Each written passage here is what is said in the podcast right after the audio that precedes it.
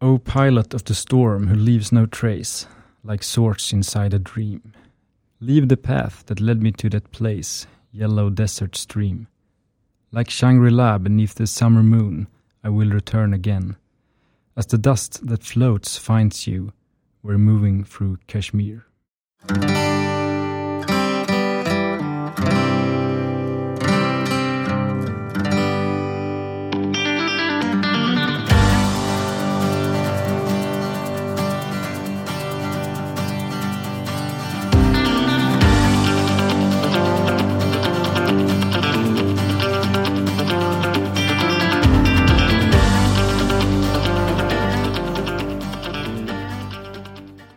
Välkomna till Geografipodden. Podden som sätter rummet i centrum. Det stämmer. Och vad, vad var det vi hörde där i början? Var det...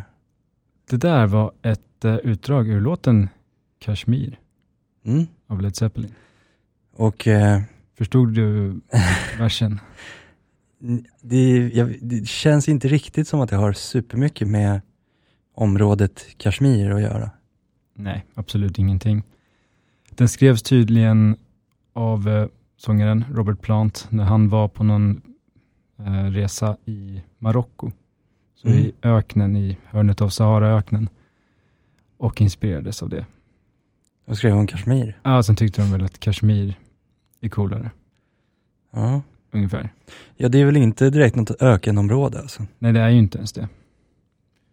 Ja. Men- Okej. Ja, nej, nu ska vi inte vara för hårda mot Led Zeppelin här. nej, men, nej, nej. men jag gick ändå in och började läsa den här texten nu inför det här avsnittet, för jag tänkte det här måste man ju, här finns säkert något kul, säga. Eh, men det, så var det ju inte. Nej. Det finns tolken-referenser och sådär, och det är ju roligt, men inte just nu. nej, precis. Eh, nej, precis. Och idag kommer vi då bland annat prata om eh, Kashmir och Kashmirkonflikten Mm. framför allt. Som eh, är, ja, det är en lyssnare som har önskat Ja, att det. vi ska ta upp det här. Eh, så, ja, det är väl vår, vårt, Enda. Ja, det är vår enda. ja, jag tror det. Det är vår första i alla fall. Eh, ja, men, Förhoppningsvis eh, kommer det väl fler. ja, precis, för nu visar vi att vi lyssnar. Exakt.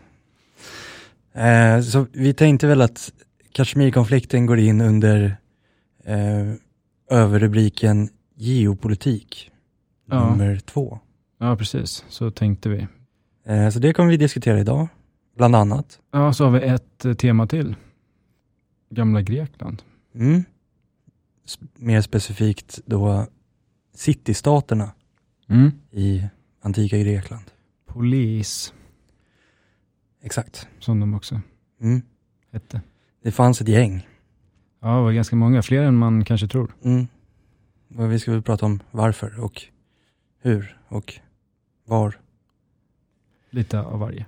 Eh, Så det blir, det blir lite, eh, två ganska olika eh, typer av geopolitiska ansatser egentligen i det här avsnittet. Mm.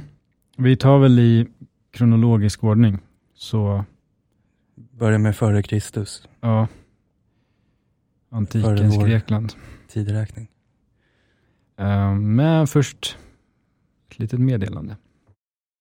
Vill du ha vägledning i det geografiska rummet? Eller bara köpa en schysst karta eller en rolig present? Då finns Kartbutiken.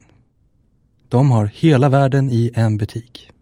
Kanske en cykelkarta till semestern, en historisk karta att sätta på väggen eller varför inte en uppblåsbar jordglob till strandbesöket. Besök butiken på Mäster Samuelsgatan 54 i Stockholm eller handla online på kartbutiken.se. Du kan även ange rabattkod geografi med stora bokstäver och få 10% på ett helt köp.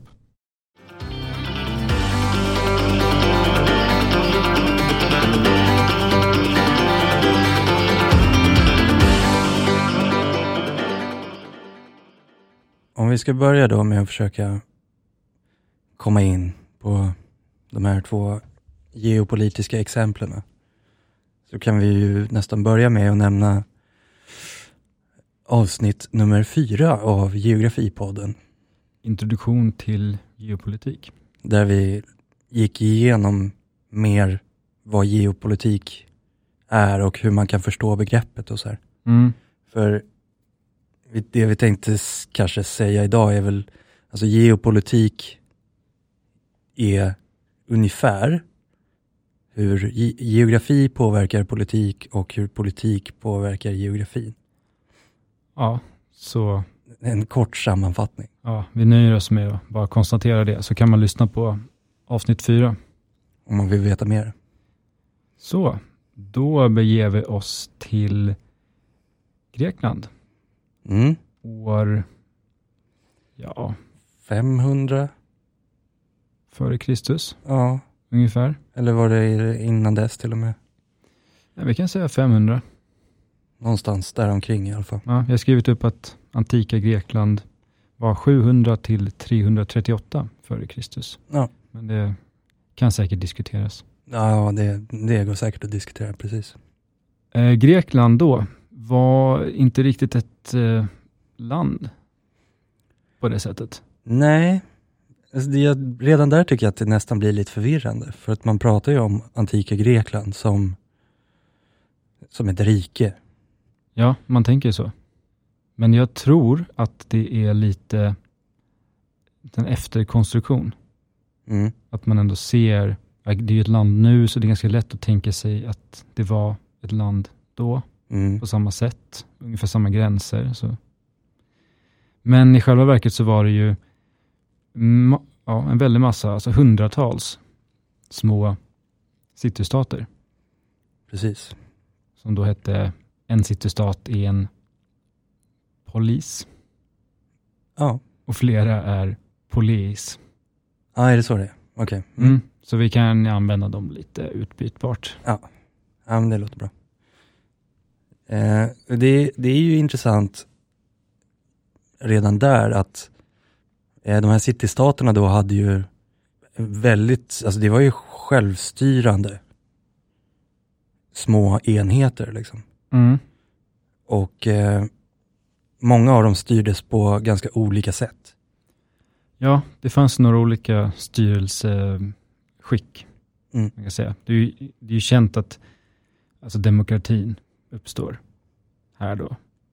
Um, men eh, det var inte alla av de här uh, citystaterna som var demokratiska, utan de kunde ha en, en monark Mm.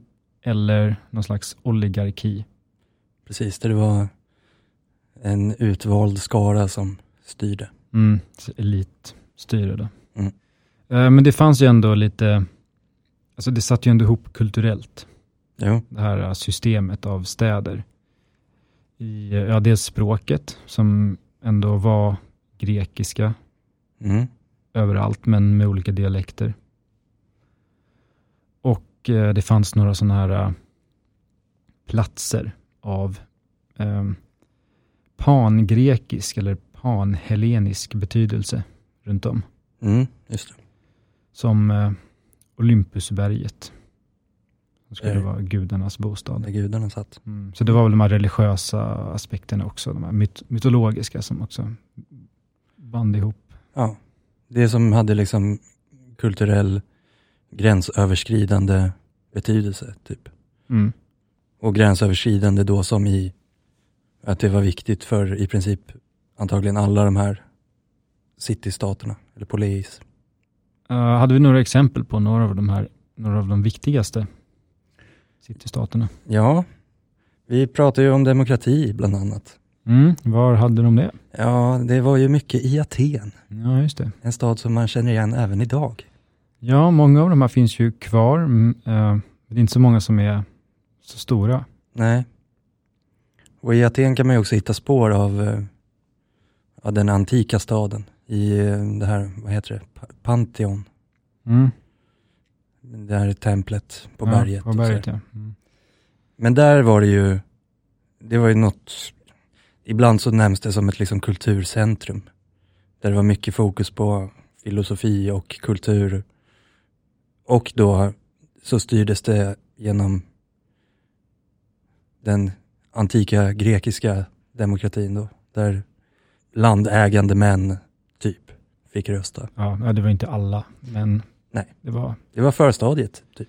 ja, och det var mycket så här, eh, det som vi idag skulle kalla direktdemokrati, Mm. eller mycket folkomröstningar. Det var inte någon representativ demokrati Nej. riktigt. Eh, sen har vi ju Sparta, Mm. det är något helt annat. Ja, mer fokus på militär och sådär va? Mm, absolut, mycket mindre befolkning. Okej. Vilket eh, också har att göra med hur de organiserade sig och utnyttjade människor runt omkring. Mm. Vi kommer tillbaka till det. Ja, de kommer nämnas några gånger tror jag. Mm. Sen hade vi eh, Korint. Som eh, var som ett handelscentrum egentligen. Eh, eftersom det låg, eh, det har en ganska strategisk plats. Mm. Och eh, de kunde ha hamn mot två olika hav. Just det, Vilket- ja. Ligger på en liten landbrygga Ja, exakt. som går ut på halvön Peloponnesos, Mm, där Sparta ligger. precis. Ja, så det var, det var ett bra ställe att utgå ifrån om man ville eh, handla mellan öster och västerland. Mm. Typisk sån här strategisk position. Mm. Eh, sen har vi Delphi, som är känt för ett orakel Mm. i stadens Apollontempel. Kallas för Pythia. Mm. Så det var en sån där plats som hade en sån här pangrekisk betydelse. Ja, det låter ju det låter ju som att det borde vara relevant för många, Mm. även utanför Delphi. Ja, absolut. Thebe kan vi Mm. nämna också. Som eh, ja, är en stad närheten av Aten som fick en liten glansperiod precis i slutet av hela den här perioden som vi kommer diskutera idag. Mm. Om man då ska försöka reda ut varför det såg ut som det gjorde just i antika Grekland. Vad kan man nämna då? Vi måste ju komma in på geografin här ganska tidigt, Mm. känner jag. Eh, För att landskapet har en ganska stor del i skapandet av det här city-stat-systemet. Det är ett bergigt fastland Mm. och eh, massa öar. Ja, just det. Så det är naturliga barriärer mm, överallt. Mm. Eh, Samtidigt som Medelhavet är ett hav som ändå är ganska okej att färdas över jämfört med liksom, oceanerna. Ja, Så att det ändå går att eh, ha en handel och sådär över havet. Men, men det här, eh, de här barriärerna resulterar ju ändå i att det, folk samlades i skilda platser, skilda från varandra. mm. exakt. Så det skapades liksom olika liksom, typer av centrum. Ja, precis. Och så var det väl ganska krigiska tider också. Mycket rädsla för liksom invasioner från alla möjliga håll. Så Mm. att det ändå byggdes murar runt städer då. Som närliggande eh, ja, människor omgivningen liksom kunde ta skydd Mm. i staden. Så det var väl också en sån här grej som drev folk in till städerna. Ja. Ganska mycket, inte minst så krigar de ganska mycket med varandra. ja, det verkar ju så. Som jag fattade så var det nästan en del av deras uppehälle. Att de Krig? så här, ja men först var det odlingssäsongen hela vintern, det är jätteviktigt att odla grödor och sådär. Mm. Sen på sommaren finns det inget att göra. Åkte de iväg och, Krigssäsongen. ja, i krigssäsongen. Och så här, ja men plundrade kanske, jag vet inte riktigt, men typ tog slavar, för det var ju slavar var ju en grej. Ja, och eh, en del av de här citystaterna hade ju också ganska många kolonier. Ja, Så de, de hade ju någon form av liksom kolonialmakt också och erövrande mm. tanke.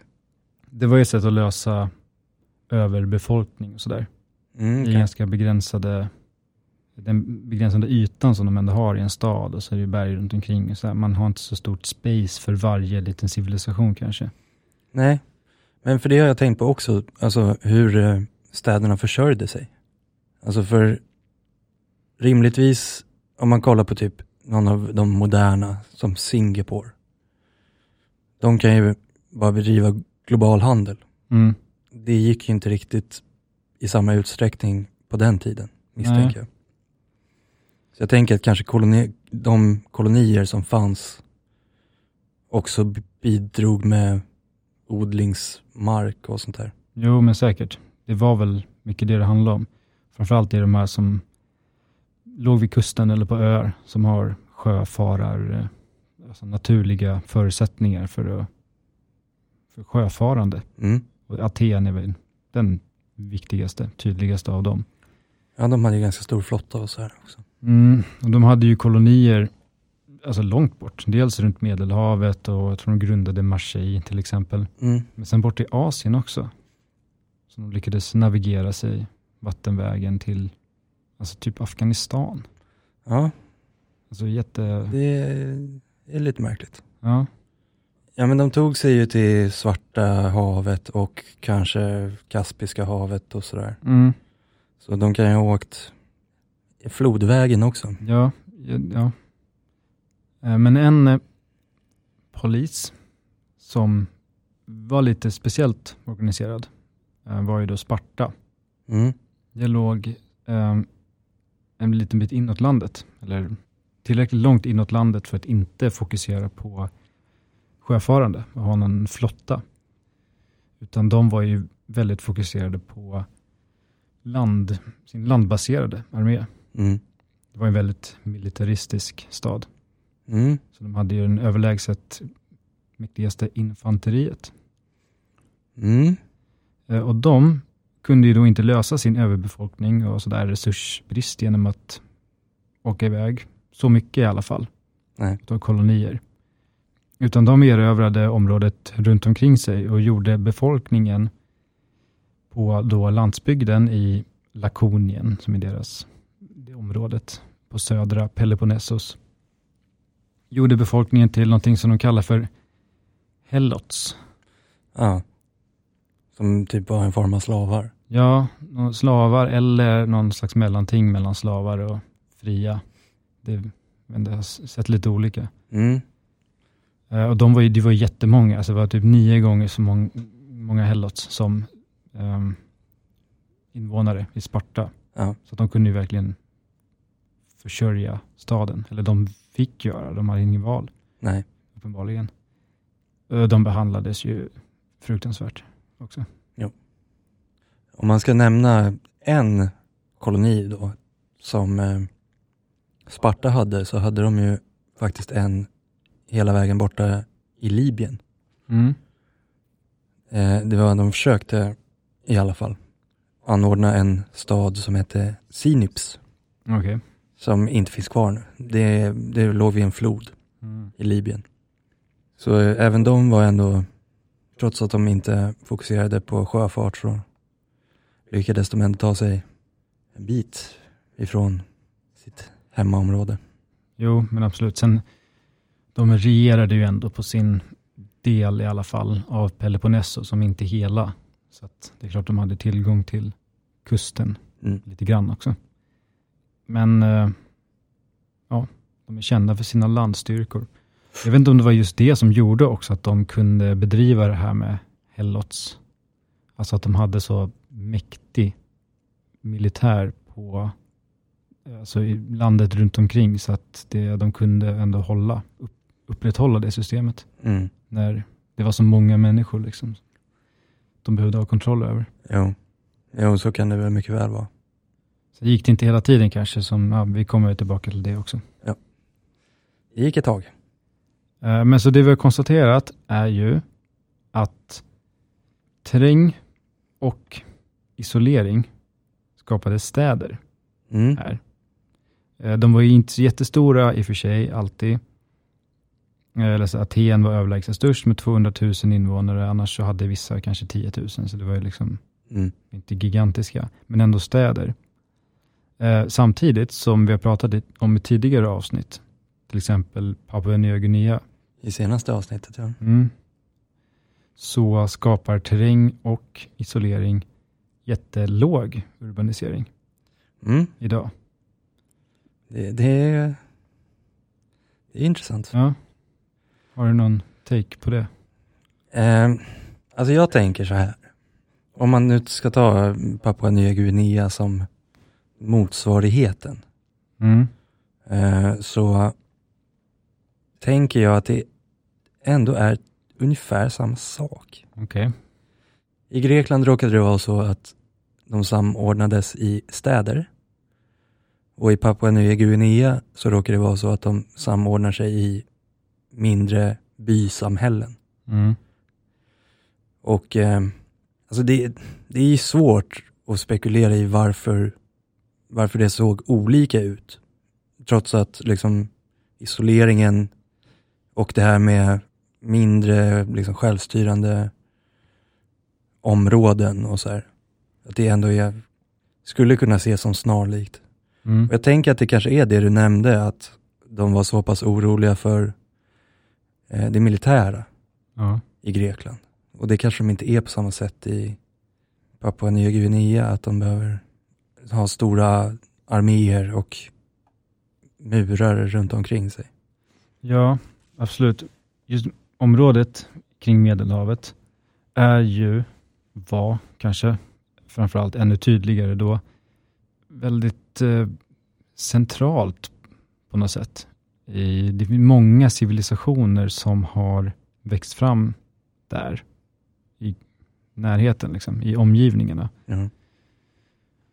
Eh, Så det, det var väldigt mycket som liksom hände fram och tillbaka just runt Medelhavet. Och själva eh, namnet på engelska då, Mediterranean, ska ju betyda någon slags, ja, någonting i stil med världens mitt, eller något sånt, Mm. har jag hört. Mm. Så att ja, det är lite, lite kanske att Lite centrera sig Ja. själv och sådär. Men, men ändå, det är ju sådana områden, det är lätt att navigera över och det finns eh, jättemycket kustremsor. Så det är bra förhållanden liksom för civilisationer att växa fram. Så det är väl just det, Mm. då som du säger också, att det är så mycket, så många olika, ja, så många olika folk som kan invadera till Ja. vänster. Så man kanske måste samla sig bakom en mur och gör man det, då växer ju befolkningen för att folk bor tätare och det händer mer. Liksom.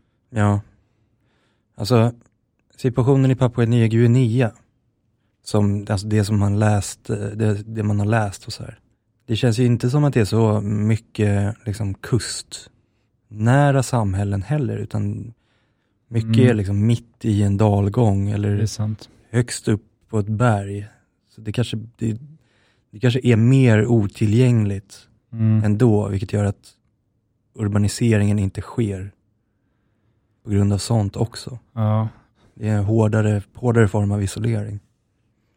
ja, både, ja, både lokalt, alltså i det perspektivet, och globalt. Det har inte Mm. riktigt viben världens mitt över sig. Nej, Eh, och det där har man väl pratat om när man pratar om så här relativa lägen och sådär. Att Europa har ett väldigt bra relativt läge sett till eh, transportvägar mm. till så många kontinenter som möjligt. det brukar ju nämnas som en anledning till varför Europa bedrev så, så mycket liksom imperialism och kolonisering och sånt också. Att Mm. det fanns möjligheten. Ja, så det kanske på något sätt är en del av samma, samma fenomen. Mm. Same but different.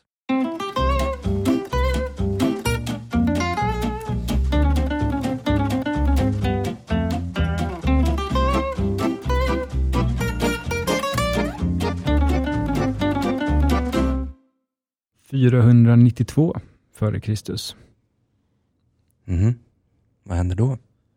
Då kom kung Darius och perserna och knackade på dörren i Grekland. Då blev det krig. Mm. De hade ju en del kolonier, Grekland, i ja, mindre Asien, eh, Turkiet nu, Ah, okej. så på andra kusten. Och där drog persiska riket fram och ville expandera. Så det, det gick ju inte ihop riktigt. Så det började ändå med städernas kolonier? Att Ja. de hotades? Precis, så det var de som eh, låg i vägen och eh, gjorde revolt då då, mot perserna som ville lägga det under sig. Mm.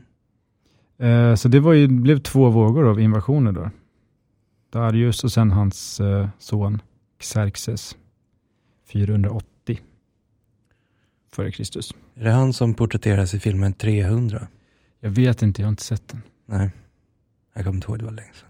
Ja, det är möjligt för det handlar ju om då eh, Persien, Ja. krigen, men har fokus på Sparta på något sätt. Mm. Så mycket har jag fattat.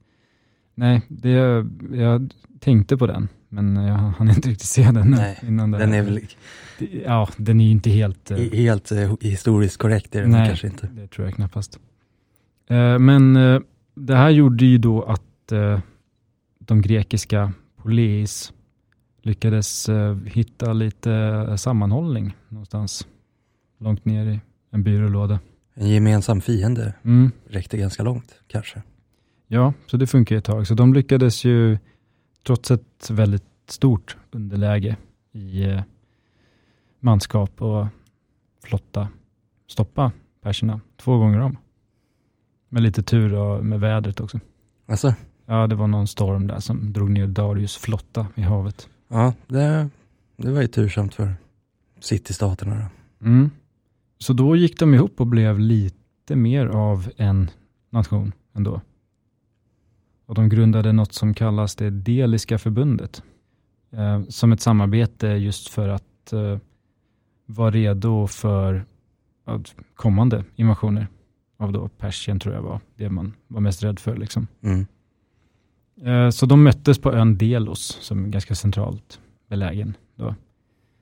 Eh, Och la in en viss summa per, för var, varje citystat då, till en gemensam flotta, ett försvar.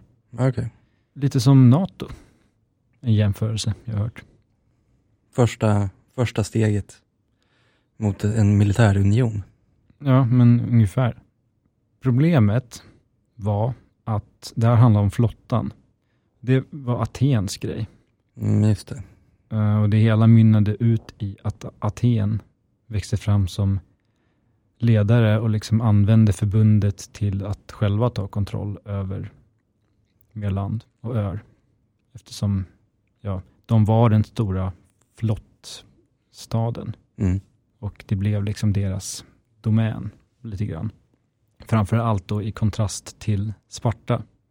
Och för att spinna vidare på den här jämförelsen med NATO så skulle man kunna säga att det är som att USA skulle använda NATOs resurser till att ta över länder och sådär. Mm.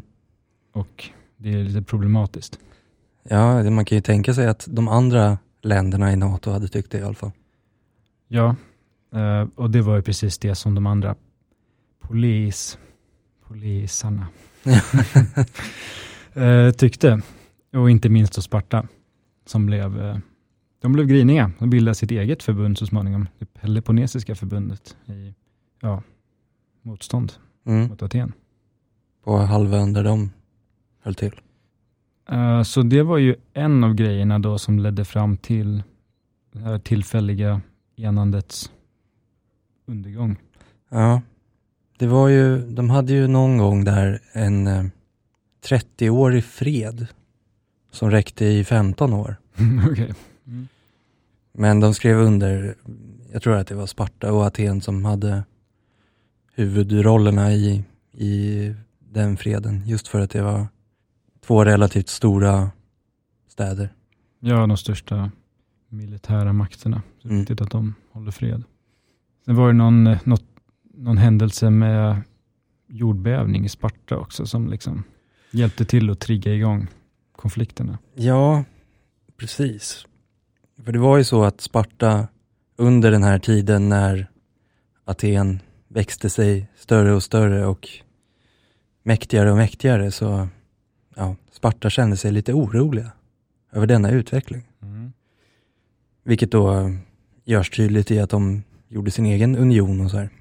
Eh, och så under den här tiden, specifikt då år 464 före vår tideräkning, så skedde då en jordbävning i Sparta där eh, ganska stora delar, som jag har förstått det, av staden raserades.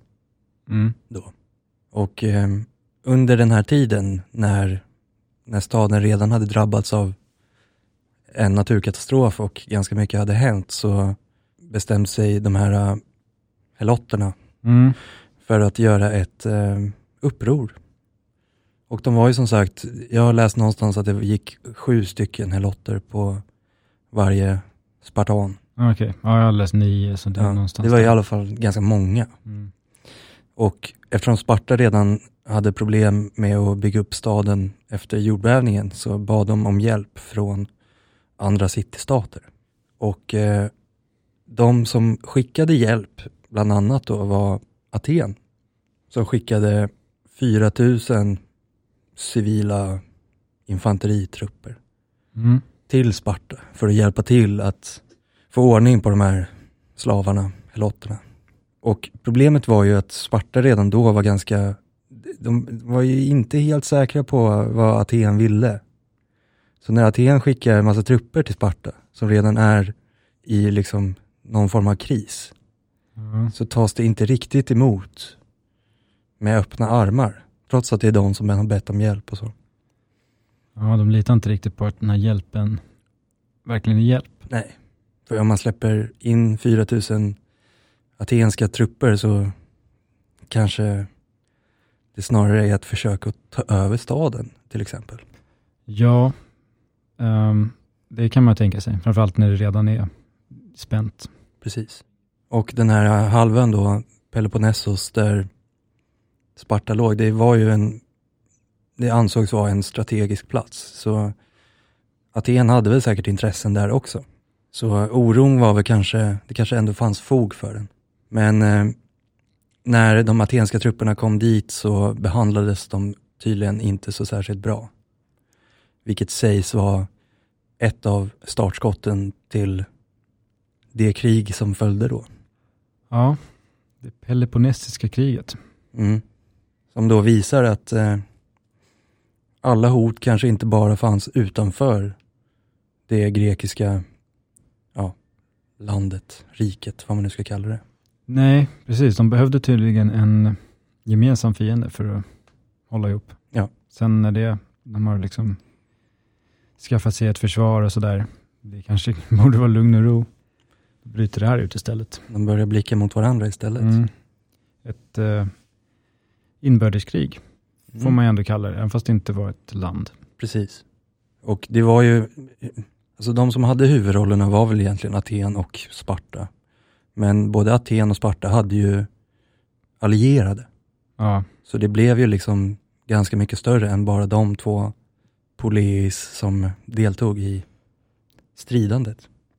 ja det involverade väl nästan hela då Grekland. Ja. Egentligen. Eh, Och det här varar ju då i 23 år. Och alltså det är länge för då ett eh, inbördeskrig. Absolut. Och det är alltså 23 år med begränsad handel, resurser slösade på krig. Eh, folk kan inte arbeta liksom på bruka jorden eller någonting sånt. Utan de ska vara ute och kriga. Och det, ja, det, var ju, det förstörde ju hur mycket som helst. Alltså det var ju total destruktivt för hela området. Det har också beskrivits, lite roligt, mitt uppe i alltihopa, som ett krig mellan en elefant och en val. Okej. En polis med en stor flotta mot en med en stor landarmé. Mm. Så var krigar man? Mm. Hur, hur bestämmer man? Ja, det, jag vet inte, jag har inget jättebra svar på det. Men det kan ju vara en sån grej som gjorde att det drog upp på tiden så mycket. För att de försökte ju säkert leda varandra till sin favoritarena. Liksom. Mm. Eh, Man kan ju kanske nämna också att under den här tiden, både i liksom förstadiet till själva kriget och under kriget i sig, så blev det tre stycken utbrott av det som eh, kallades för pesten i Mm, Aten. Just det. Sen så tror man inte att det var pesten, alltså som den Nej, den pesten som kom på medeltiden. Precis. Utan det var kanske tyfus eller något sånt där. Men det drabbade Aten hårt Mm. på hemmaplan. Ja, Okej, och det kanske är också en av anledningarna till att Sparta till slut vann Kanske. det här kriget och erövrade Aten efter de här 23 åren. Eh, Så då var det slut med det demokratiska styret i Aten. Mm. blev en oligarki. Eh, som var rätt kortvarig. Och sen så var det ingen ordning egentligen. Nej. Alls längre. Och här kommer TB in i bilden igen. Mm. Här lyckades de då i det försvagade tillståndet. När varken Aten eller Sparta hade mycket kvar kanske. Och eh, bli herre på täppan ett tag bland citystaterna. Mm. Men eh, det var i några decennier kanske och sen, sen kom Alexander den store, Ja, och var kom han ifrån? Makedonien. Just det. Ja, han erövrade hela Grekland tillsammans med väldigt mycket annat Mm. territorium. Och där var liksom systemet med polis slut. Ja, och det har ju inte riktigt eh, kommit tillbaka heller. Någonstans egentligen. Nej, vi har ju pratat om citystater och konstaterat att eh, vi har Singapore. Ja. Några så här halv exempel. Mm.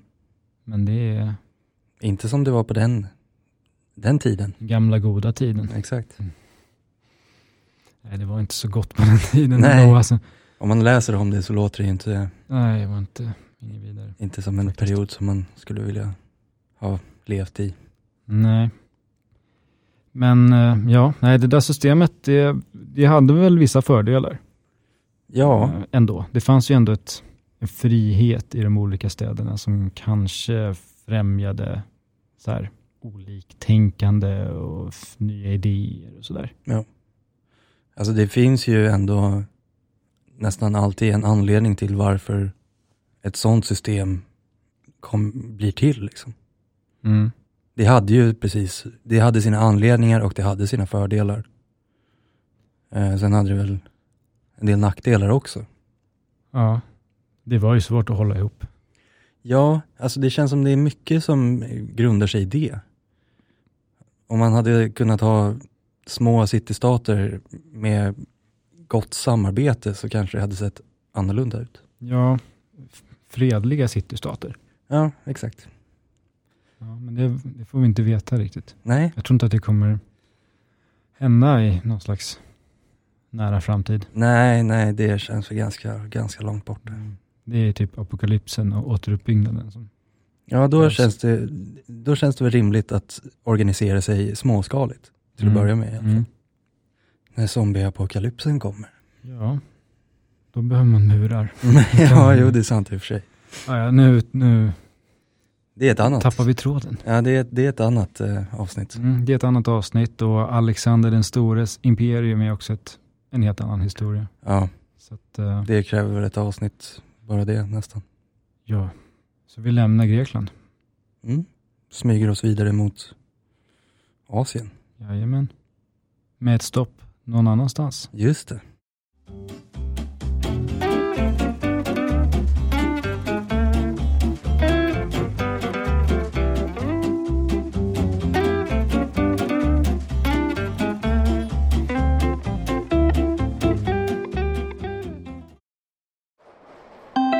Nästa, Säffle.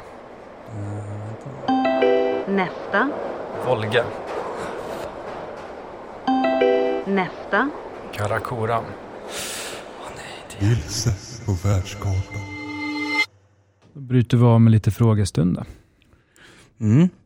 Vilse på världskartan. Jajamän. Idag är det du som är vilse Ja, igen. och jag har många poäng att plocka, plocka upp Mm. Det gäller att du hittar rätt, på fem poäng. helst. Mm. Vi får väl se. Eh, vi kör väl igång direkt. Ja. För fem poäng. Det var val i landet den 6 juni i år.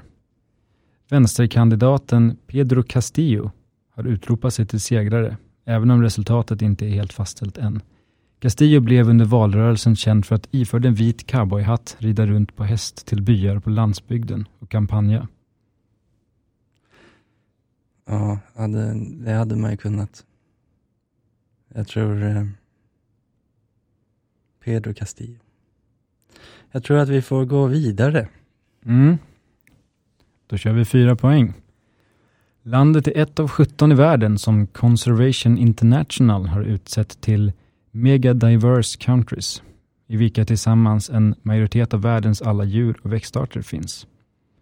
Det är kanske inte så konstigt eftersom landet är stort till ytan, tredje störst på sin kontinent och har tydliga varierade naturgeografiska zoner. Kustöken i väst, berg i mitten och regnskog i öst. Du får klura lite på den. Ja, en har väl en viss tanke kanske. Men det är ju svårt. Man kan ju dra till med en- ordentlig gissning. Mm. Ja, vi får nog ta en till alltså. Vi tar en till. Tre poäng. Landet innehar tropikernas högsta berg, Huascaran, och delar en känd sjö med grannlandet. Som på 3812 meters höjd över havet är den högst belägna sjön i världen som har reguljär båttrafik. Mm. Ja, jag tror jag vet vilken sjö det är. Mm. Men det känns som jag har glömt bort ett land. Alltså. Okej.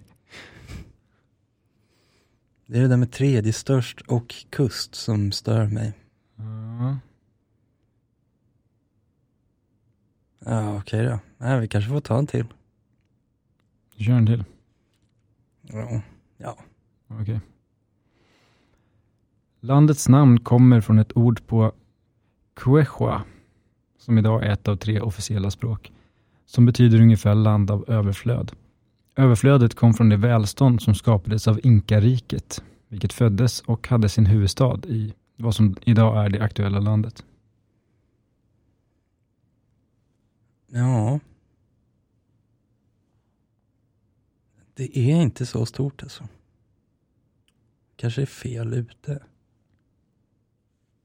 Land av välstånd. Kust tredje störst. Jag för mig att, det, nu tänker jag på ett land som jag för mig är mycket mindre än, det kanske inte var, det kanske var Maja. Ibland har man ju lite skev eh, uppfattning av kartbilder också. Jo, det är sant. De borde vara hyfsat i relation till varandra. Ja, jo, ibland, men det är, jag vet inte, de riktigt stora länderna har man ju så här koll på liksom. Mm, Sen resten kan vara en ganska, kan vara ganska grötigt alltså. sant. Så det kanske ger, ja det ger nog mindre än vad jag tänker kanske att droppa en sån ledtråd. Det beror på om jag kollar på kartan innan, dagen innan typ. Jo, men då ska du kolla hela världen. Äh, ska man ta en till då? Vi tar den sista då, en poäng. Landets nationaldjur är den andinska klippfågeln. Andinska klippfågeln. Det förknippas dock kanske mer med ett annat djur som tillhör familjen kameldjur och nästan delar namn med landets huvudstad. Ja, det är Peru. Mm. Det stämmer bra. Vi vi tänkte att det var mycket mindre. Ja, du gjorde det. Det var Ja. där det blev eh, lite knas. Mm. För jag var inne på typ alla andra länder. Mm. Bolivia tänkte jag var större. Men har ingen kust. Ja, ja, det kan man tänka att Bolivia ska vara lite större faktiskt. Men det är bara Brasilien och Argentina då som är Mm. större till ytan. Det kanske man inte tänker. Nej. Nej, alltså hade jag gissat tidigare. Okej, hade jag gissat på den ledtråden innan. Då hade jag nog gissat på Peru. På Mm. två poäng alltså. Men tre poäng då? Tre poäng. Mm, kanske inte. Vad hade du kört då? Vet inte, Venezuela kanske? Ecuador? Ecuador är litet. Ja, jag tänker, jag, jag har tänkt om i typ samma storlek liksom. Ja, just det. Ja, nej, Peru är lite bortglömt. Så det är kanske därför man tänker att det är lite mindre och det därför det här också kanske blev betydligt svårare än vad jag tänkte. Mm. Nej, men fullt, fullt rimliga ledtrådar. Ja, Absolut. Du ju- ledtrådarna. jag fick i alla fall en poäng den här gången. Ja, det är bra. Det är mer än de senaste två gångerna. Typ. Mm. Ja, jag får svänga tillbaka formkurvan Ja, snart. till hösten kanske.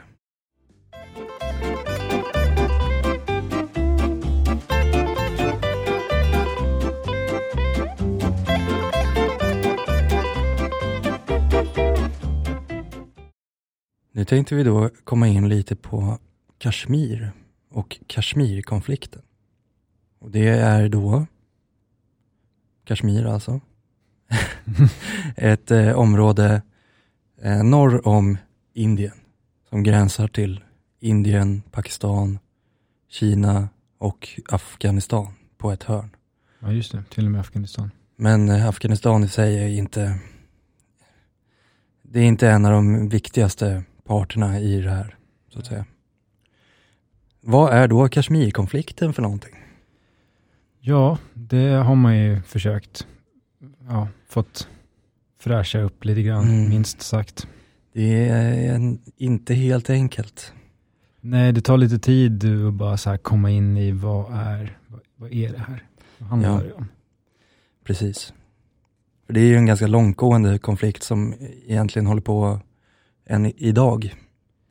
Ja, Det ser ju inte riktigt ut som att det finns någon bra lösning på det. Eller att det kommer lösas inom den närmsta framtiden heller för att ja, alltså det har hänt ganska mycket även nu de senaste åren. ja, så sent som i höstas har det varit, eh, ja, vad säger man? Men det var ju eldstrider mellan, Eldstrider. Mellan då. Pakistan och Indien. Mm.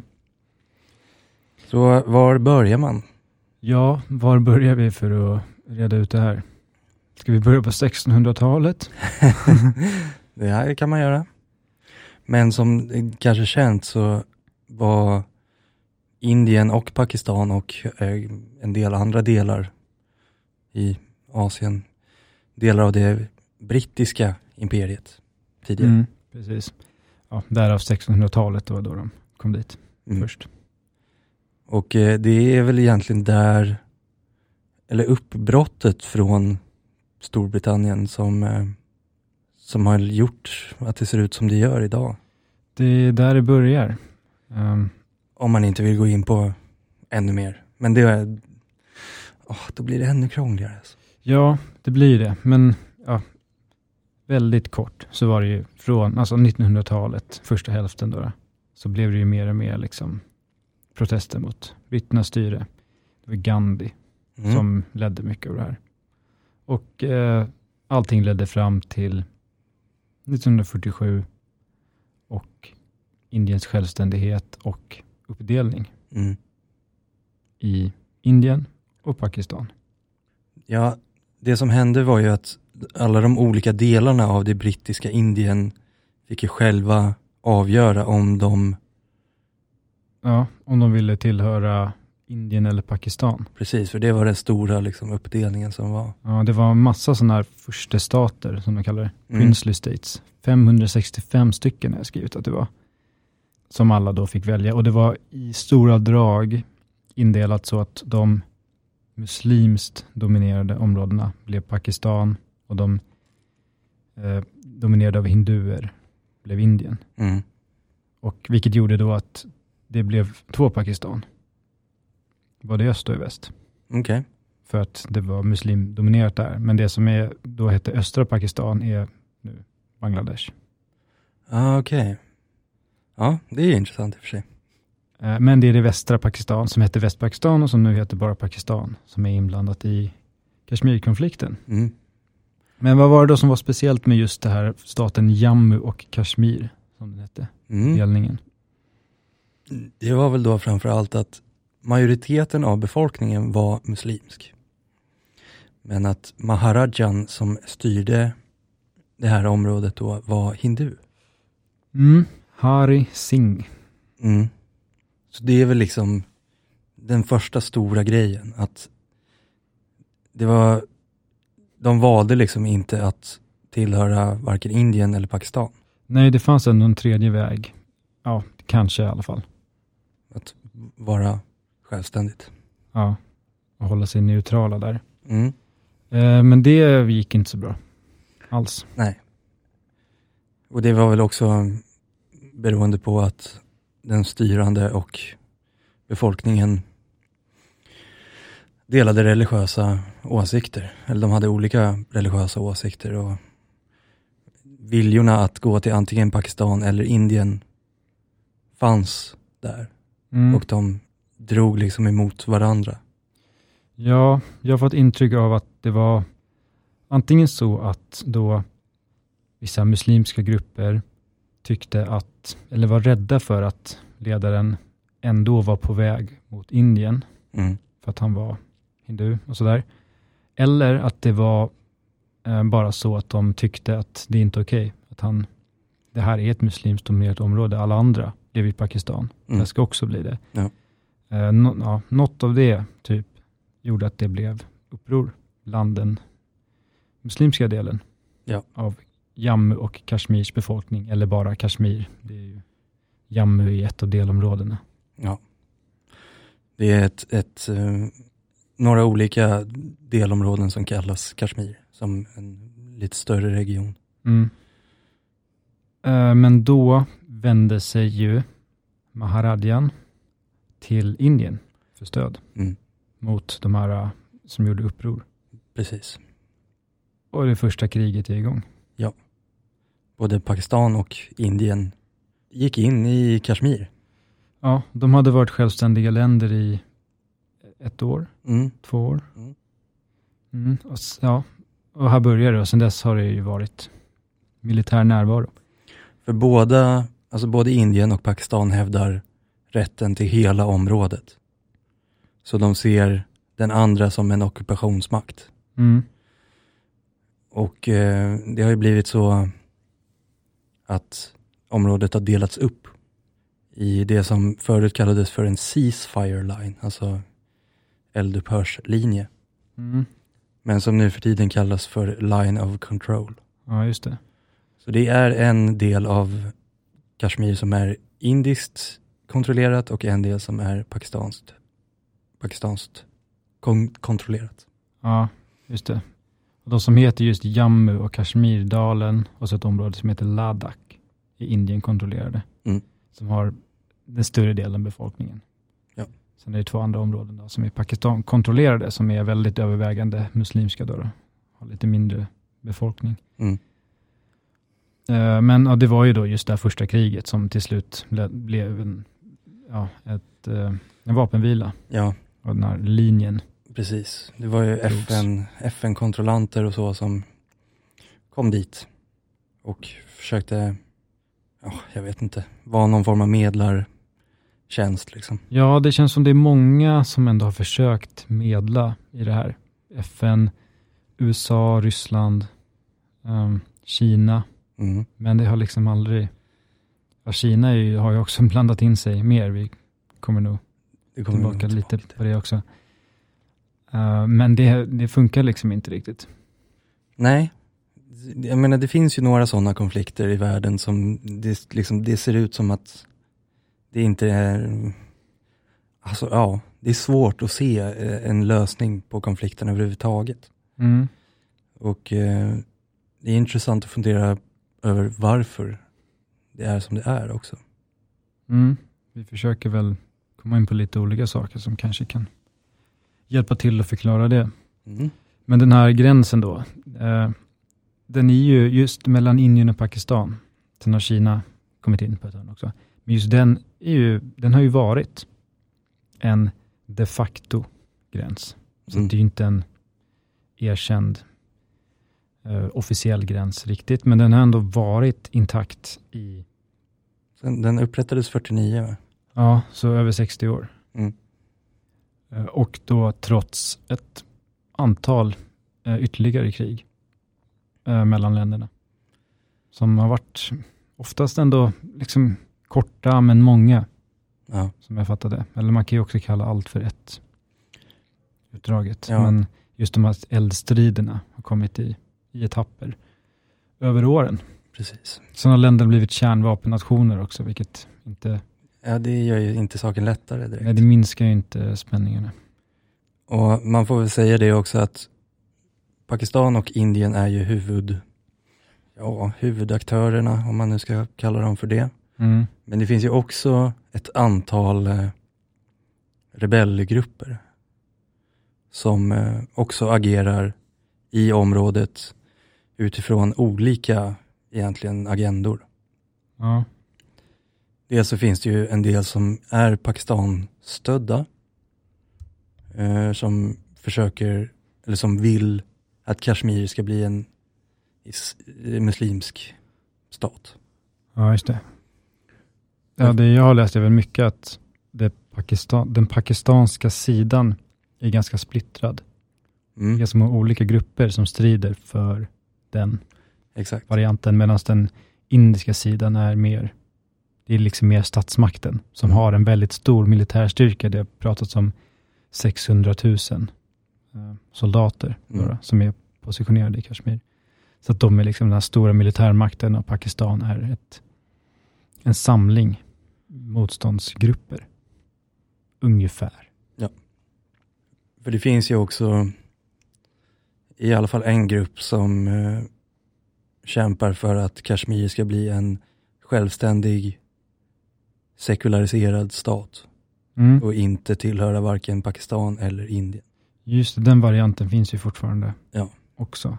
Så det är väldigt, väldigt mycket Mm. och det är det som gör det ännu mer komplicerat. Ja, och genomgående så har ju kashmirierna själva inte haft så mycket att säga till om. Nej. Det har, det har inte tillåtits. Eh, Jag tror de som trycker på mest för att de ska få göra det är Pakistan, för de räknar med att de kommer rösta för Pakistan. Då. Mm. Men sen finns ju den där eh, självständighetsvägen också. Den tror jag inte riktigt något av länderna är så här jättebekväma med. Det tror jag inte. Det var ju också under den här ja, 1949 då när det upprättades någon form av eldupphör och instabil ja, fredsperiod är väl nästan fel ord också. Mm. Men ett av kraven från, jag tror att det var FNs håll, var ju att det skulle hållas en folkomröstning. Ja. Så att folket i Kashmir fick välja väg själva. Utan att Pakistan och Indien får bestämma vad som ska hända med området. Men det har aldrig hänt. Den folkomröstningen har aldrig hänt. Och eh, Pakistan förespråkar väl en, fortfarande en folkomröstning just därför, för att de tror att befolkningen kommer gå åt Pakistan. Mm. För att det ändå är sammanlagt en muslimsk majoritet. Ja. Och Indien säger ju då att, att de inte tycker att det är en så särskilt bra idé för att den muslimska majoriteten som då blir en del av den muslimska minoriteten i Indien har en plats i Indien och de strävar efter integration och så här. Men den hinduistiska minoriteten har ingen plats överhuvudtaget i det muslimska Pakistan. Mm. Ja, det där är ju bara, ja, Ja, okej. Det Just nu är ju Indien styrt av, hindu-nationalistiskt parti. ja, Eller parti, det är ett, ett block tror jag. att om det har stämt tidigare så är det antagligen inte så, det är inte så starkt argument. Nej, absolut inte. Och det är ju, det är ju intressant, så varför är Kashmir centrum för den här konflikten? Mm. Vad är det liksom som gör att, att det liksom är en ihållande konflikt i så många år? Ja, var det bara det där att det råkade bli lite fel 1947? Det måste finnas något mer. Ja. Vad är det då? Ja, det jag har grävt fram är ju vattenfrågan. Mm? Det här ligger ju, det är en region som ligger vid foten av, eller delvis i Himalaya. Så Indusfloden och ett gäng bifloder Ja. till den rinner genom eh, Kashmir, alla delområdena i Kashmir, in i Pakistan, även Indien, Mm. ett par av dem. Och eh, det här är ju det är jätteviktig, ja, jätteviktig resurs, helt enkelt, alltså vatten. Framförallt för Pakistan. Som det är den enda stora, det enda stora flodsystemet de har. Det är mest arida områden Mm. i Pakistan. Eh, Indien har även Ganges, så att de har ett, en till, ett till system. Å andra sidan har de en väldigt stor befolkning. det är klimatförändringar, det är, man vet aldrig med vattenförsörjningen i framtiden. Så det här, jag vet inte, jag tycker inte man stöter på det så jätteofta. Den här eh, aspekten. Nej, det handlar väldigt mycket om eh, kulturell och religiös identitet och så här. Mm. Och eh, det är väl säkert en ganska stor del av det, men eh, det finns ju annat som går att diskutera. Ja. För det är ju inte bara vatten, utan det är ju också, Kashmir är ju väldigt, ett väldigt bergigt område med, vad jag har förstått, ganska mycket naturresurser Okej. utöver vattnet. Mm. Så det finns, det är inte orimligt att tänka, tror jag, att det finns ekonomiska intressen. Och Kashmir räknas som en, det har en strategisk position Mm. på, på världskartan. Men ja, jag vet inte. Är det skäl nog för att upprätthålla en 60-årig konflikt? Nej, det är klart att det inte är det. Det kostar ju mer än det, det smakar liksom, Mm. förstås. Och sen, ja, situationen blir väl inte lättare av att Kina är där heller. För att det är som att de smög in i konflikten lite grann. Ja. De byggde en väg Mm. mellan då Tibet och övriga Kina. Ja. Som råkar gå genom ett delområde som heter Aksai Chin. Mm. Som de då hävdar rätt till.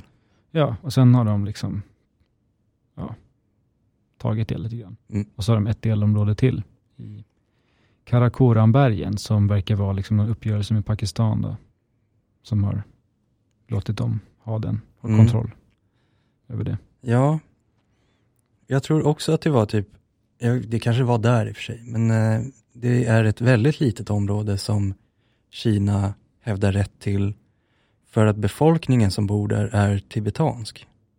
Mhm. Vilket då enligt Kina gör att befolkningen där faller under kinesisk jurisdiktion, vilket gör att området i sig också faller under kinesisk jurisdiktion. Okej. Så eh, de är ju med och eh, pillar på ett hörn. Och ja, visst, eh, det, det för, förenklar väl ingenting. Nej, även om det är ganska, just det här lilla Tibet-området, ska jag inte säga om, men de andra, de Aksai Chin och Transkarakoram är ganska obebodda Precis. områden. Men jag tror både Pakistan och Indien ser Kina som också som en ockupationsmakt utöver Ja, jag tror. Indien gör det. Pakistan Ja, de har dealat. hävdar bara eh, Indiens, de Indien-kontrollerade områdena Okej. som sina. Så Mm. de är ändå lite mer okej med, med Kina. Mm. Och eh, om man ska gå, gå in lite på, jag, vet inte, jag, jag har framförallt hittat ett eh, geografiskt verktyg som har använts i denna konflikt. Mm, Okej. Det är ju då att eh, Pakistan flyttade sin huvudstad. Det Mm, var Karachi innan. Just det. Eh, den flyttades till Islamabad. Så istället för att ha Karachi som ligger nära kusten så flyttar de huvudstaden till Islamabad som ligger i de norra områdena. Mm, För att- Det ligger nära alltså, Mm. Kashmir. De till och med byggde staden Ja. i princip på 60-talet. För att markera. Ja, en forward capital. Exakt. När en, en huvudstad flyttas eh, av strategiska skäl oftast. Mm. Eh, New Delhi ligger ju ganska nära också i det, det hållet, men jag vet inte om det har något samband med Kanske. Kashmir. Kanske. Det, ja, om inte med just Kashmir så med de andra större makterna i området i största allmänhet. Mm. Kanske. Mm.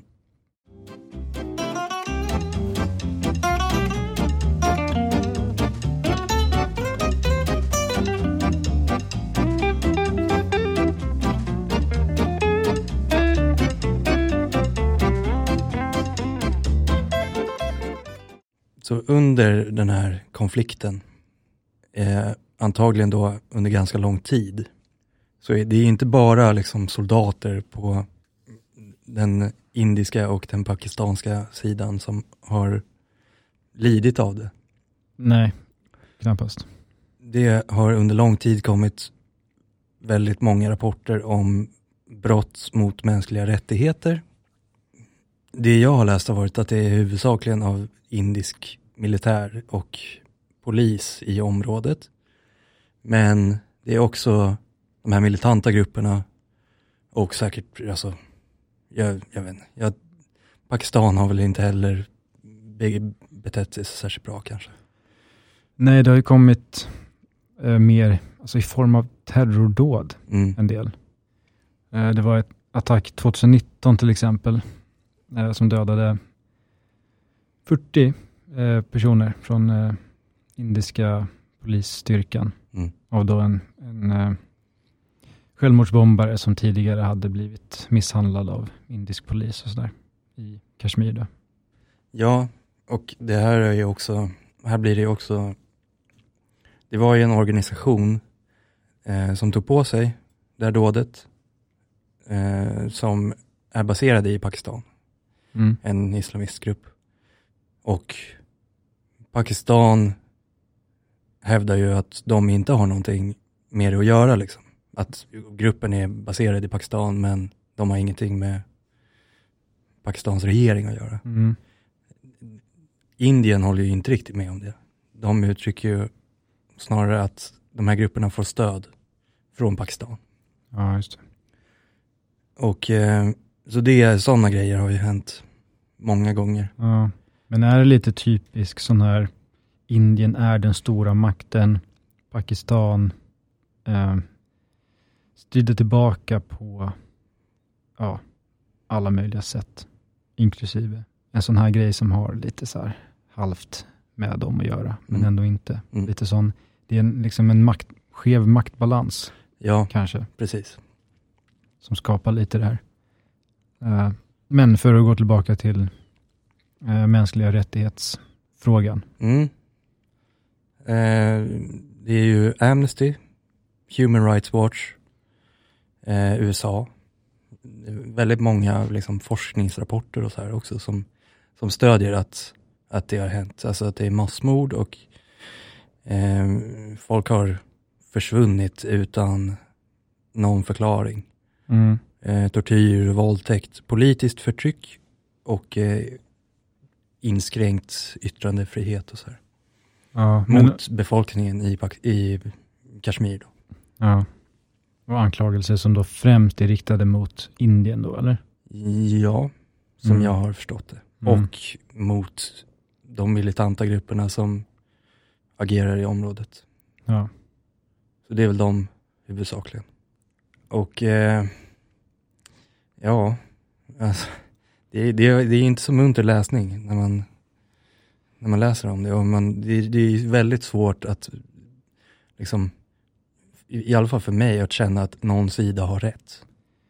ja, och det är väl just därför det blir en sån lång konflikt. Och medling funkar inte sådär för att det finns, alltså de hävdar rätt på två olika sätt som inte riktigt går att mäta mot varandra. Mm. Så bra. Just när det grundar sig i det här, hela, hela vägen ner, tillbaka till delningen. Liksom. Precis. Och jag kan väl tänka mig att ju längre en sån här konflikt pågår, desto liksom mer prestige och sånt här kommer in i bilden också. Att man kommer liksom inte vara den första makten att lägga sig efter Nej. så lång tid. Nej, precis. Vad har man då slösat bort alla de här resurserna på det här kriget för? Mm, Om man erkänner att man har fel sen till slut. precis. Det blir svårt att ta den, den smällen. Liksom. Jag tror det. Så det tror jag också är en anledning till att, att konflikten bara fortgår. Mm. Även om det finns liksom andra skäl till allting också såklart. Ja, men eh, ja, det har ju liksom... De som får ta den största smällen är ju de som bor där. Mm. Det är ju så det blir. Och de som inte ens har orsakat den här konflikten alls Exakt. egentligen. Och, ja, det började ju redan vid själva delningen med de här eh, folkförflyttningarna, Mm. migrationerna som hände av muslimer till då det som blev Pakistan och hinduer till det som blev Indien. Gigantiska eh, migrationer Mm. med alla följder som det har för Ja. folk. Och så har det bara fortsatt med humanitära problem Precis. hela vägen. Och eh, Kashmirområdet har ändå haft någon form av särställning i indisk lagstiftning. Att, jag tror att det inte har gått för liksom, icke-boende att köpa upp mark till exempel Mm. i området. Att det har funnits att så här, ja, men det är ändå befolkningen som befolkningen som är, är den som ska vara. På Ja, något sätt. de har fått någonting. Ja, men mm, de lagarna försvann 2019 också. Så Jaha. det har inte direkt Ja, blivit bättre. Ja, samtidigt så har jag ju läst eller hört att det har liksom etablerats lite busslinjer och sådär över den här gränsen då, Mm. line of control. Mm. Och att det ändå samtidigt som det här bara fortsätter så finns det också någon slags normalitet. För jag menar gränsen har varit i 60 år. Och någonstans så är ju folk, det är där är det de vet och det måste ju ändå finnas en vardag någonstans. Så att det. är ju om det är den vägen, alltså om det är möjligt att det där liksom blir så småningom en officiell gräns. Och att till exempel vattenfrågan fortsätter lösas som den har gjort. Det finns en, en, ett avtal från 1960, det Indus Water Treaty, som får, ger Pakistan kontroll över vissa av floderna och Indien andra. Mm. Och så där, som de verkar ha, ha funnit sig i ganska bra. Om, ja, till exempel, den grejen får fortsätta, gränsen blir officiell och stabil och saker kan lugna ner sig. Om, ja, är, det, är det möjligt? För att det, det ska gå åt ena hållet eller det andra, det känns ju som att det kommer inte hända utan att de förgör varandra. Liksom. Nej, absolut. Men problemet är ju att det samtidigt är väldigt mycket protester från folket i Kashmir som inte tycker att det är, okej okej som det är. Liksom. Mm. Eh, så jag vet, det, det är liksom, Ja, jag vet inte hur stor den här självständighetsrörelsen är riktigt. Eller om det handlar mer om att de inte vill ha 600 000 ja, soldater i Så- sina städer. Liksom. säkert. Alltså självständighet, det, jag vet inte heller hur stora de är. Faktiskt. Nej, men möjligen så handlar det bara om att de vill ha en normal tillvaro. Liksom. Sant? Absolut. Eh, oavsett självständigt eller inte. Liksom. Mm. Få slut på brott mot mänskliga rättigheter kanske, är- En bra början. ja det, faktiskt, känns Mm. det som. Eh, men ja, vad har vi mer att säga om situationen idag i Kashmir? Ja, alltså det har ju faktiskt varit en ganska intressant utveckling sedan 2019. Mm, verkligen. Eh, Alltså- recent events. Precis, för att om man, om man går in och, eller i alla fall när jag gjorde det, gick in och försökte läsa nyheter från Kashmir, området, vad är det som händer? Mm. Så är det liksom, det senaste man stöter på är egentligen från typ augusti 2019. Efter det så är det svårt att hitta någonting. Okej. Och eh, det var ju för att i samband med det, alltså typ augusti 2019, så infördes en lockdown av hela det här Jammu och Kashmir, den provinsen. Den här frihetsrörelsen, den här JKLF som kämpar för ett självständigt Kashmir, de eh, bannades Mm. 2019. Den, för de har ändå hängt upp vapen och sådär. Och det pratas mycket om att det ska föras en liksom diplomatisk, demokratisk process mot självständighet. Snarare än liksom det militanta som har gjorts förut. Mm. Men den organisationen får inte existera på den indiska delen. Ah, Okej. Samtidigt eh, så greps 500 personer i en protest mot då att Indien stiftade lagar som lät indier köpa mark i Kashmir. Mm. Att de, de lagarna ströks. Ja, just det. Och det var ju inte de som bor i Kashmir så särskilt glada över. Nej. Det kom rapporter om att det spreds en form av musikstil som heter patriotisk pop. Okej. i Indien. Som just förespråkar att indier ska köpa mark i Kashmir för att på något sätt kolonisera. I, Ja. ja. Ehm, och i och med de här händelserna då så stängdes internet och mobilt, mobila nätverk och allting sådär, allt stängdes av.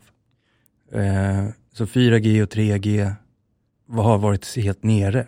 I Kashmir alltså. Eller Ja. Indien kontrollerade Kashmir i alla fall. Ja, precis. Ja. Jag tror att det är Indien som står bakom det. Så det har liksom inte funnits någon kommunikation. Ja, det är ju ganska sjukt. Från 2019 till februari i år. Vilket ändå är ganska lång tid. Ja, Ja, så det var, det var några utvalda typ organisationer i eh, området som fick använda sig av 2G-nätet. Och liksom utvalda hemsidor och så här. Så väldigt, alltså helt nersläckt liksom. ja väldigt eh, begränsat. Och eh, under den tiden då så valde Pakistan att eh, tillfälligt stoppa all handel och minska sina diploma- diplomatiska relationer med Indien. Mm. Just som respons på att allt det här hände. Och eh, i november, precis som vi nämnde förut, november 2020 så var det ju eldstrider. Ja. Som var en, det var under liksom hela lockdownen. Så eh, nu, precis i 5 februari så kom 4G-nätet tillbaka till området. Men eh, det är ju liksom så pass färska nyheter att det är ju svårt, jag har svårt att tro att det skulle sluta komma rapporter om, om liknande händelser. Nej, så länge det är konflikt och problem så kommer det ju inte göra det. Nej. Antagligen. Och just att stänga ner kommunikationerna för befolkningen, det är ändå en ganska stor grej i liksom en värld som ser ut som den gör idag. Ja, det blir ju svårt att um, ja, men upprätthålla någon så här ordentligt motstånd. Mm. Man kan liksom inte, vet inte vad som händer i omvärlden ordentligt, eller det är svårt i alla fall att hålla sig uppdaterad. Mm. Och eh, ja, forma någon slags rörelse. Ja. Så det, ja, det är väl det de vill, Antar det. förhindra. Antar det. Nej, så det är, det är frostigt alltså. Mm. Det är långtgående och det är pågående. Så ja, det är ju en sån konflikt just i och med att båda är kär, kärnvapenmakter så blir det ju liksom en grej som kan vara värd att hålla koll på. Ja, man vill inte att det ska eskalera helt fritt. Nej, precis. Men samtidigt så finns gränsen kvar. Ja, den gränsen, ja. Jag får återkomma till det. det. Jag vet inte, det jag tänker efter det här som vi har pratat om nu och läst in oss på, Mm. det är att, att den gränsen får bli officiell, är liksom det som känns som ja, den rimligaste lösningen. Ja. För att den ändå varit det så länge. Mm. Och ja, självständiga Jammu och Kashmir. Okej, jag kan inte uttala mig för mycket om det, men det känns som ett sånt land som, det är som Indien är ganska rädda för är att det blir liksom ett va- maktvakuum i alla fall, om det händer. Ganska öppet för alltså militära grupper och ta makten och sådär. Vem ska styra då i det här delade, blandade landet och sådär? Mm. Att det finns, det är inte helt eh, stabil situation liksom. Nej. Så att det kanske inte är, ja, det, det är svårt att uppnå det Ja. på ett säkert eh, sätt. Egentligen så får man väl nästan bara hoppas på att befolkningen i Kashmir inte far så illa åt som de har gjort tidigare.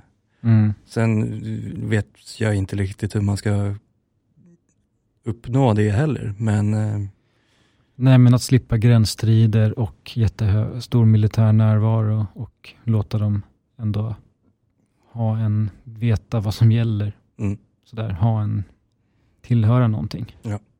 Borde ju vara en början i alla fall. Ja.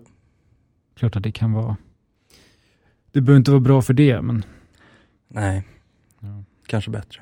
kanske. Ja, det finns ju jättemycket mer man kan säga om den här konflikten. Ja, absolut. Det är ju en, den rör ju upp, som sagt, stormakterna i världen har ju alla varit med på ett hörn, medlat eller gett stöd hit eller dit för olika så här, geopolitiska, olika geopolitiska anledningar. Och så där kan man gå in på. FN har ju varit inblandat hela tiden.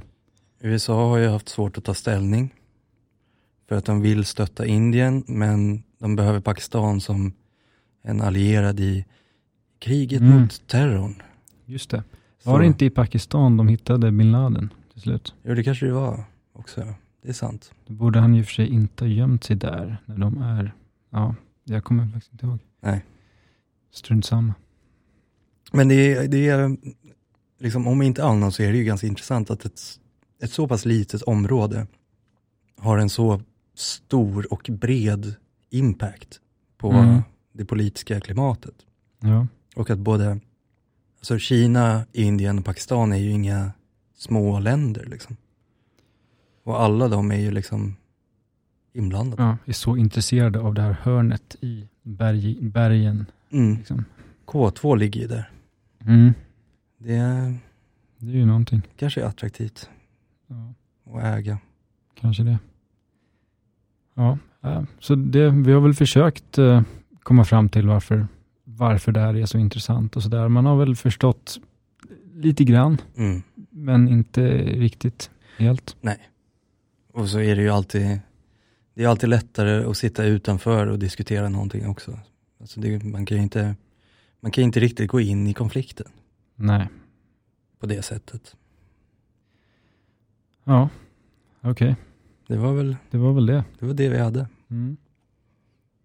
Får ta och påminna om eh, Att man kan följa oss, på Facebook och Instagram. där vi heter Geografipodden. Och om ni vill fortsätta läsa geografiska nyheter som inte togs upp i det här avsnittet. Nej, just det. Men de tas upp på eh, Geografipoddens geografiska nyheter på Twitter. Exakt. Och eh, dagens avsnitt var ju då delvis ett, eh, en eh, lys- lyssnarförfrågan. Mm. Så eh, om ni vill höra något särskilt så är det bara att skicka in det till geografipodden at gmail.com. Jajamän. Och så till nästa gång, så glöm inte bort Gå inte vilse. i det geografiska rummet.